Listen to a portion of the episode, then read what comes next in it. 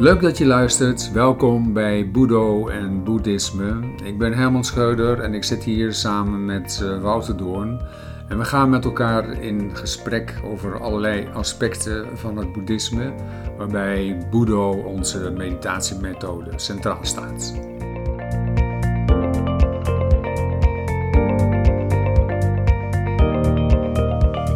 Ik, uh, ik, zit hier, ik zit hier samen met uh, Wouter Doorn en gaan een podcast uh, opnemen die gaat over samatha, concentratie en de, een hele specifieke vorm daarvan, uh, onze eigen Budo-meditatie. Um, ik ben hier al een kleine 35 jaar mee bezig. Ik ga ook met grote regelmaat naar Thailand om uh, retraites te doen uh, met de, de specifieke Budo meditatiemethode.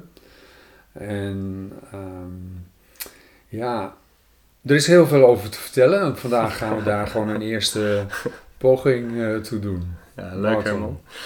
Ja, mijn naam is dus Wouter Doren. Ik mediteer denk ik zo'n bijna 20 jaar.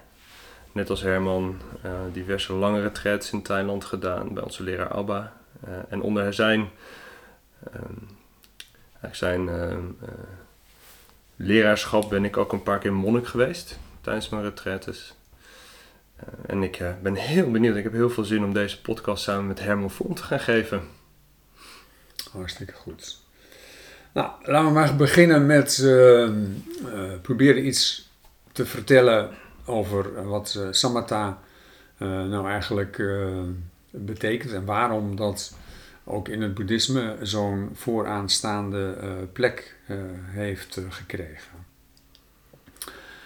de Boeddha heeft eigenlijk in, in, in, talloze situaties heeft hij gerefereerd aan, aan samatha, aan concentratie. En wat hij daar onder andere over heeft gezegd is dat als je mind als je bewustzijn geconcentreerd is, dan lijkt opeens alles heel gemakkelijk. En de reden daarvoor is dat als je bewustzijn geconcentreerd is, dat er dan een soort kalmte en een soort rust ontstaat, die zonder concentratie er niet is. En dat is ook tegelijkertijd ook het lastige als je praat over concentratie, dat is heel makkelijk. Maar concentratie ontwikkelen is niet gemakkelijk. En als je dus met mensen praat die nog geen concentratie hebben ontwikkeld, dan is het voor hun uh, moeilijk, lastig om, om zich een voorstelling te maken van wat concentratie nou eigenlijk is. En vaak wordt er dan uh, gerefereerd aan, nou, als ik nou een boek lees en ik doe dat aandachtig, ben ik dan geconcentreerd? Ja, dan zou mijn antwoord zijn, ja, er is een vorm van concentratie, maar de, de concentratie die je opdoet als je echt een concentratie-meditatiesysteem gaat gebruiken, dat is echt andere koek. Ja, kunnen we daar gelijk wat meer op ingaan? Want ik hoor dan natuurlijk ook wel regelmatig dat iemand dan bewijs van spreken zegt: ja, als ik hard loop, dan kom ik ook tot rust. En dan zit ik ook in mezelf, ben ik ook in mezelf gekeerd en dan ervaar ik ook stilte. En wat is dan toch het verschil tussen concentratie tijdens het mediteren en ja, die vorm van concentratie? Kan je dat nog wat meer toelichten?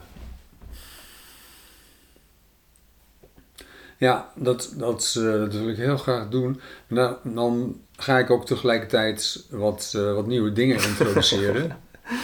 en dat heeft te maken ook met hoe het bewustzijn in elkaar steekt. Mm -hmm. Daar is ook, um, binnen het boeddhisme is daar ook een, een gedetailleerde beschrijving uh, van beschikbaar. En nog, nog een nieuw begrip. dat, dat wordt keurig uh, beschreven in bijvoorbeeld de Abhidhamma. Ja, dan heel even kort. Hè, de, de, we gaan daar later in een aflevering vast uitgebreider bij stilstaan. En maar dat is een, uh, inderdaad een gedetailleerde samenvatting van de, de, ja, wat de, in het boeddhisme dan de ultieme realiteit heet. Dus hoe de dingen zijn zonder een x-perspectief. Klopt, klopt. En als je, als je dan uh, de, de, de sectie openslaat waarin dat uh, bewustzijn beschreven wordt, dan uh, zie je dat er vele mentale factoren zijn die eigenlijk de werking van het bewustzijn bepalen. En diezelfde, of een aantal van die factoren, zijn ook van groot belang bij het ontwikkelen van concentratie. Mhm. In algemene zin zou je kunnen zeggen dat de, de werking van die mentale factoren uh, bepalen hoe je je voelt. Bepalen of je uh, uh, rust en kalmte in je bewustzijn ervaart of niet. Mhm. Een voorbeeldje, als je bijvoorbeeld heel erg boos bent, dan voel je je niet prettig. En zou je kunnen zeggen dat je bewustzijn steeds kleiner wordt. Mhm. De andere kant van het spectrum, als je, uh, als je geconcentreerd bent of als je uh, mooie factoren in je bewustzijn ervaart, zoals gelijkmoedigheid of liefde, dan zou je kunnen zeggen dat je bewustzijn groter wordt. En die mentale factoren, die zijn dus uh, verschrikkelijk belangrijk, ook in de ontwikkeling van concentratie. En als je dan uh, de, de, oorspronkelijke vraag die je, die je stelde, mm -hmm. als je die dan even weer boven laat komen, dan uh, als je hard loopt, dan is het zeker mogelijk om een bepaalde mate van, van, van rust in je systeem te krijgen. Mhm. Maar ze adresseren, ze adresseren uh, in niet of in veel mindere mate de factoren die uh, bepalend zijn voor de werking van je bewustzijn. Dus daar zit een verschil. Mm En als we daar in een, uh, op een later moment nog wat dieper op ingaan, mm-hmm. dan kunnen we daar nog heel specifiek uh, verder op inzoomen. Maar voor dit moment vind ik dat even genoeg. Ik vind het nog wel leuk om aan te vullen wat Abba zei toen ook een keer vroeg. of je nou ook concentratie kon ontwikkelen als je loopmeditatie doet. Want je hoort natuurlijk ook wel vaker over loopmeditatie in het bos. En ik gaf net hardlopen als voorbeeld. Um, dus ik vroeg dat een keer aan Abba, van als ik nou op retraite ben daar en ik heb mijn, of, hè, mijn officiële tussenhaakjes zitmeditatie, waar ik in, uh, in een soort kleermaak zit met mijn ogen dicht. En in veel meditatievormen zit er ook loopmeditatie bij. Dus dat je gaat heen en weer gaat lopen, een x aantal passen en dan draai je om, dan loop je weer terug. Dus ik vroeg Abba, als ik dat doe, kan ik nou ook concentratie ontwikkelen? En Abba die zei uh, eigenlijk nee. Die zei, je kunt hè, bewuste aandacht of mindfulness of sati kun je trainen door dat te doen. Uh, en zo train je of ontwikkel je de voorwaarden voor concentratie. Maar hij zei tegen mij dat het, omdat er je bewustzijn dan zoveel van uh, object naar object verspringt. Hè, want je moet de hele tijd kijken waar je loopt. Uh, in Thailand dat je niet op een, op een slang stapt of op een gekke grote spin. in het bos dat je niet struikelt. En tegelijkertijd hoor je van alles en tegelijkertijd ben je ook nog aan het proberen om je bewustzijn gericht te houden op één object. En doordat dat wisselen van die objecten, lukt het eigenlijk niet om dezelfde verdieping te krijgen dan wanneer je zit met je ogen dicht, stil en je gewoon op één object richt. Dus de verdieping en de concentratie is dan vele malen groter. Oké. Ja, dat is een leuke, leuke toevoeging.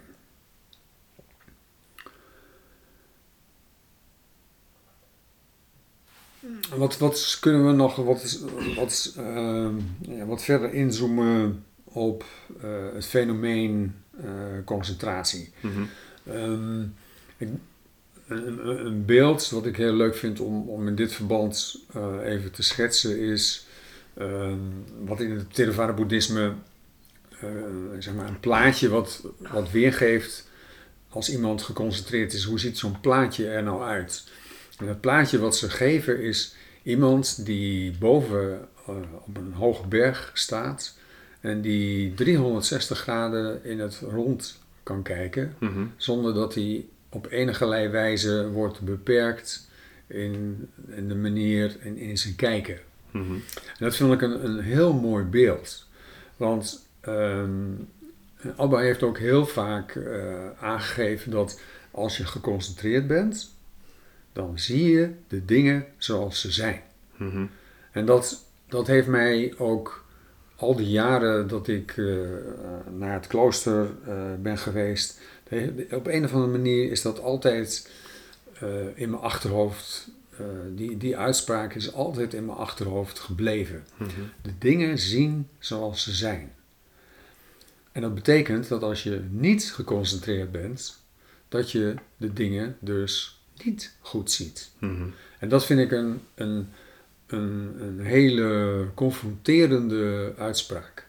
Dus dat betekent dat je, hoe dan ook, als je niet geconcentreerd bent, dat ook al denk je dat je de dingen goed ziet, dat dat eh, in de praktijk, nou, laten we zeggen heel vaak, mijn, wat ik zo wel zou durven zeggen, in bijna elke situatie, is dat je de dingen dan niet goed ziet, niet in staat bent Mhm. om de dingen goed te zien.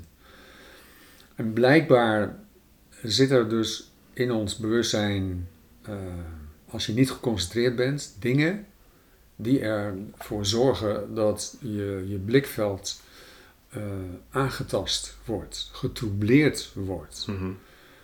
En ja, ik vind dat. eh, ik heb dat altijd heel confronterend gevonden en ik vind het nog steeds een, een, een, een hele belangrijke uitspraak en daarom herhaal Ja. ik hem nog maar eventjes. Ja, nou, ik, ik, wat je zegt herken ik heel erg. En ik vind het dan ook wel leuk om de, of in ieder geval twee voorbeelden te geven die Abba dan geeft. Hè, Want Abba die plaatst concentratie, of het nou hè, samatha is in de zin van de meditatie, of samadhi, zoals het in het boeddhisme vaak wordt genoemd. Dat is min of meer synoniem.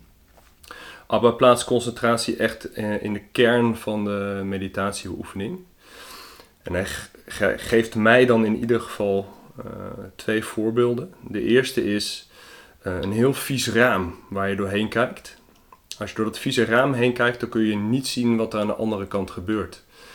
Als je dat raam dan heel langzaam maar zeker, heel geduldig schoon gaat maken, dan zie je langzaam maar zeker beter wat er aan de andere kant gebeurt. En als het raam op een gegeven moment helemaal schoon is, echt spik en span, glashelder, dan zie je precies wat er aan de andere kant gebeurt. En hij zegt dan net zo is het met concentratie. Je, je zuivert in feite je bewustzijn. Je, je maakt je bewustzijn helder en schoon. En dat is de voorwaarde om te kunnen zien eh, hoe de dingen in elkaar zitten.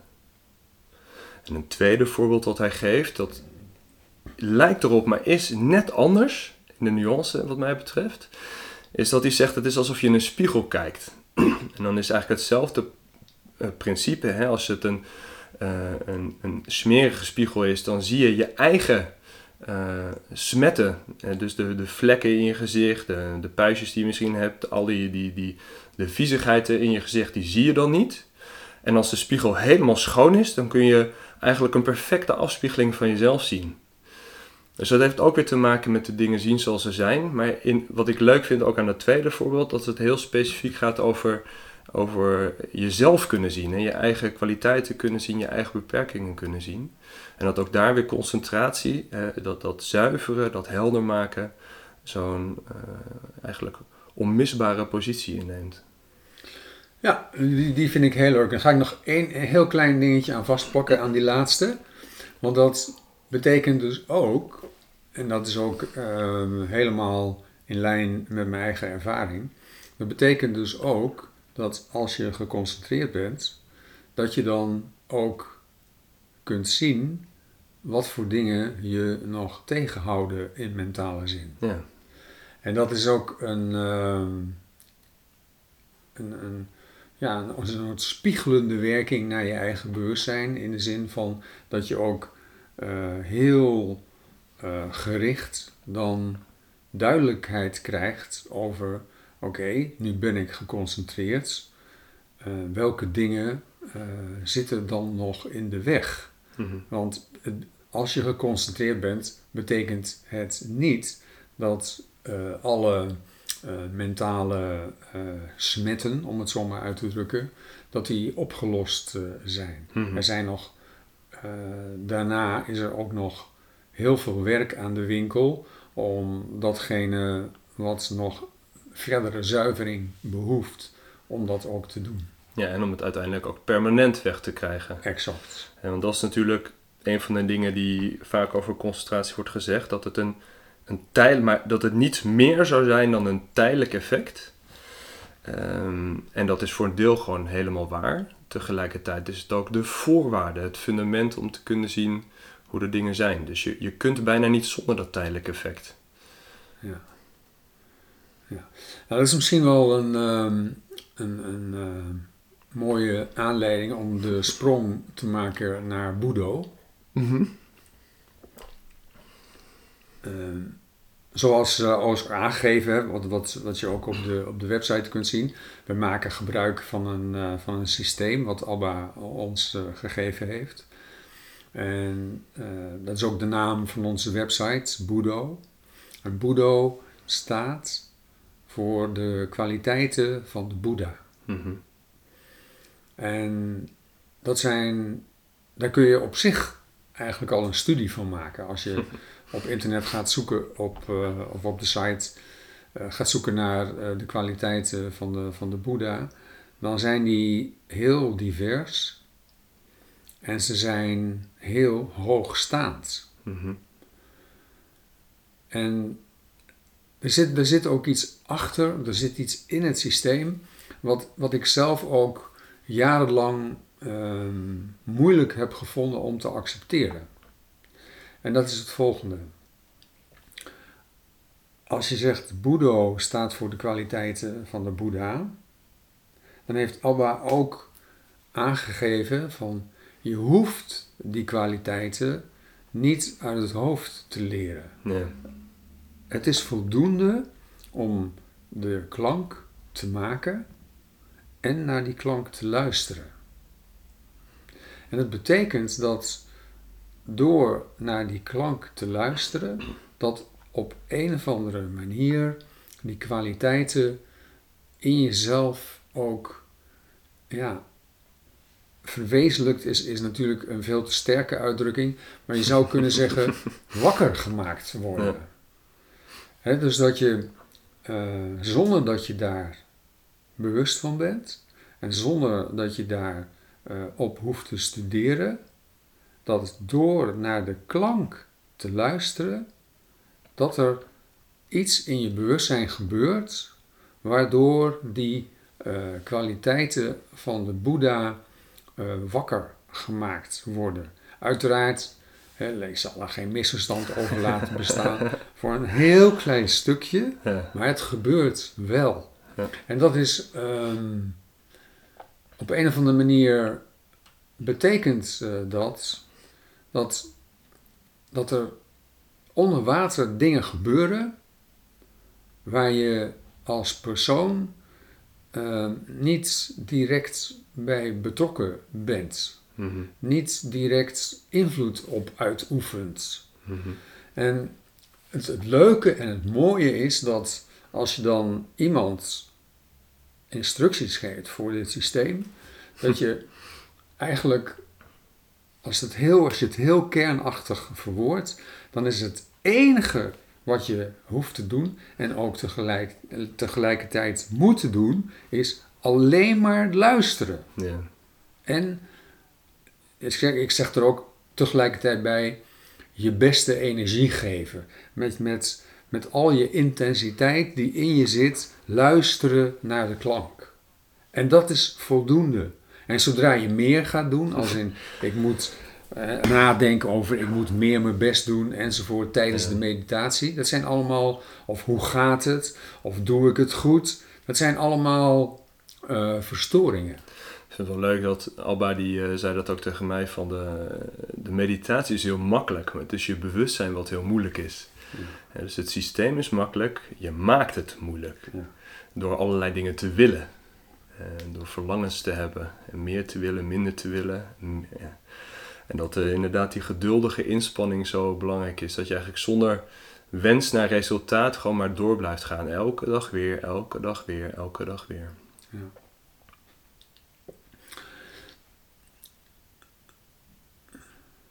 Ik zit nog even te denken. Ik vind het misschien ook wel goed om nog, voordat we nog verder over gaan, heel kort even nog één stapje terug te zetten. Want als je het hebt over sammete meditatie, en wij doen dan sammete meditatie op Budo, hè, dus concentratie-meditatie op Budo.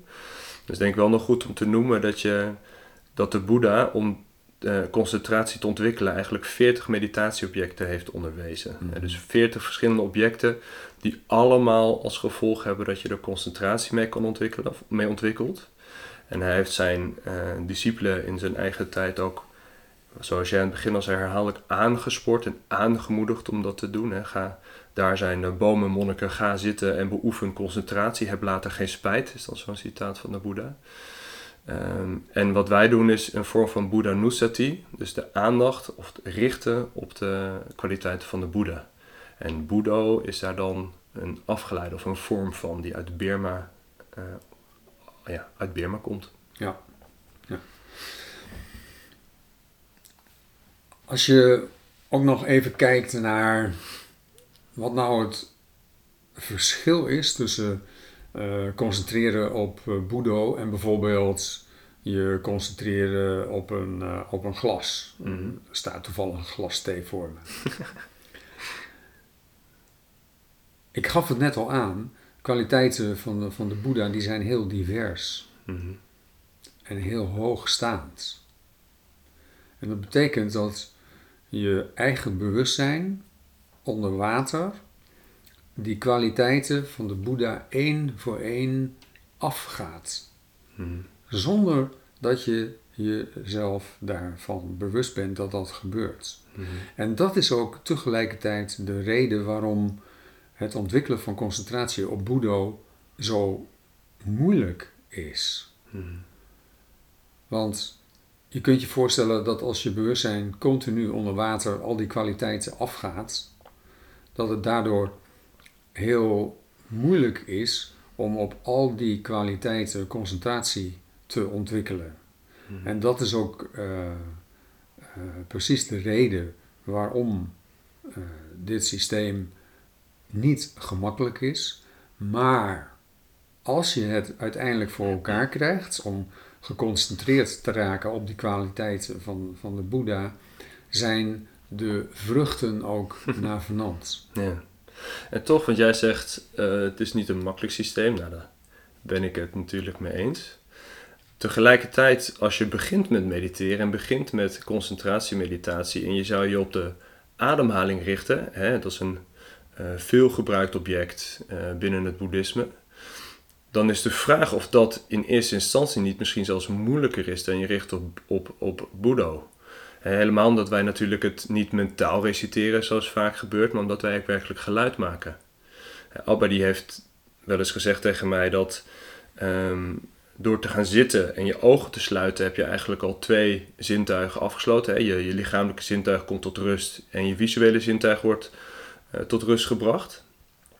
je, je, je reukorgaan, dat kan gewoon neutraal blijven of je zet wat wierook aan als je dat prettig vindt. Maar door geluid te gaan maken, maak je als het ware een soort kokon om je heen, een, een beschermlaag om je heen. Waardoor je veel minder snel afgeleid raakt van de dingen die zich zeker in het Westen om je heen uh, gebeuren. ik zeg maar een brommer die langs rijdt of kinderen die naar school gaan.